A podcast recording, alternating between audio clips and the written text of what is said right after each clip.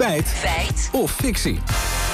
Over Lammert, astma, diabetes en reuma. Ja, allemaal chronische ziektes. NRC schreef vandaag over het rapport van de Raad voor Volksgezondheid en Samenleving. En in dat stuk lezen we dat meer dan de helft van de Nederlanders één of meerdere chronische ziekten heeft. Ja, dan ga je toch even om je heen kijken en dan denk je, nou, dat zijn er best veel. Ja. Dus dat ga je checken. Ja, eerst maar eens even bij Ted van Essen, huisarts. Want wat zijn chronische ziektes eigenlijk? Als mensen medicijnen gebruiken voor hoge bloeddruk, dan is dat een chronische aandoening. Als ze diabetes hebben, daar kom je eigenlijk ook nooit meer vanaf. Dus dat is ook een chronische aandoening. Mensen met psychische klachten kunnen chronisch depressief zijn. Dat is zeker ook een paar procent van de bevolking. En 2 miljoen van de mensen heeft in Nederland reumatische aandoeningen. Hè? Slijtage, artrose. En eh, dat geldt ook als een chronische aandoening. Ja, een heel breed spectrum dus, waarvan Van Essen ook zegt dat een deel heel goed te behandelen is. Maar goed, het zijn inderdaad er zijn er behoorlijk wat. En als je dat dan allemaal optelt, hoeveel Nederlanders hebben dat dan? Ja, dat weten ze bij het CBS. Die instantie deed eh, daar onderzoek naar, legt Luc Hovius van het CBS uit. We houden bij hoeveel mensen een chronische beperking, aandoening hebben of een langdurige psychische aandoening.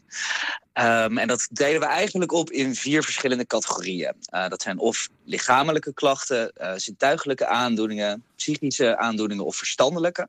En daarvan eigenlijk veruit de grootste groep um, zijn die lichamelijke aandoeningen. Ja, die lichamelijke aandoeningen worden dus gevolgd door zintuigelijke, psychische. En de kleinste groep is de verstandelijk beperkte. En die moet je dan allemaal bij elkaar optellen. En wat komt er dan uit? Nou, Luc Hovius heeft zijn rekenmachine er even bij gebakt. We hebben dit berekend op basis um, van een bestand dat ze gebruiken bij, dus, uh, bij de huisartsen. Moet eerlijk toegeven dat niet iedereen erop, um, daarop is aangesloten. Dus het is eigenlijk een soort van steekproef.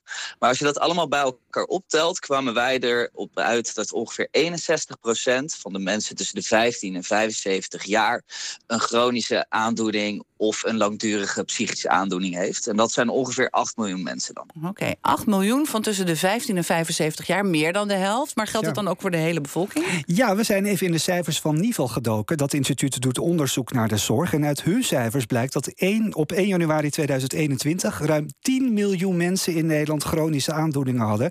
Dat is dus 59 procent van de Nederlandse bevolking. Maar wat zegt dat cijfer? Ja, dat vroeg aan Toosje Valkenburg, huisarts in de beeld. Ja, dat zegt mij dus eigenlijk niet zo heel veel. Uh, als het zo al plomp verloren als een cijfer wordt gepresenteerd. Het zou interessanter zijn om het uit te splitsen, ook naar, naar leeftijd en naar over welke aandoeningen hebben we het.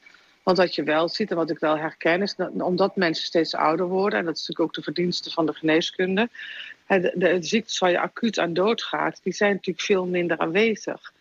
Dus als je niet meer sterft aan een hartinfarct, dan heb je daarna een chronische ziekte, namelijk een hartziekte. Oké, okay, dus het is een teken van medische vooruitgang. Ja, inderdaad. Het zijn er wel enorm veel, maar het wordt dus deels door positieve ontwikkelingen veroorzaakt. Oké, okay, feit of fictie. Heeft meer dan de helft van de Nederlanders één of meer chronische ziekte? Ja, wat in NRC, in NRC staat klopt. Uit cijfers blijkt dat ruim 10 miljoen mensen in Nederland chronische aandoeningen hebben. En dat is meer dan de helft van de bevolking, dus het is een feit.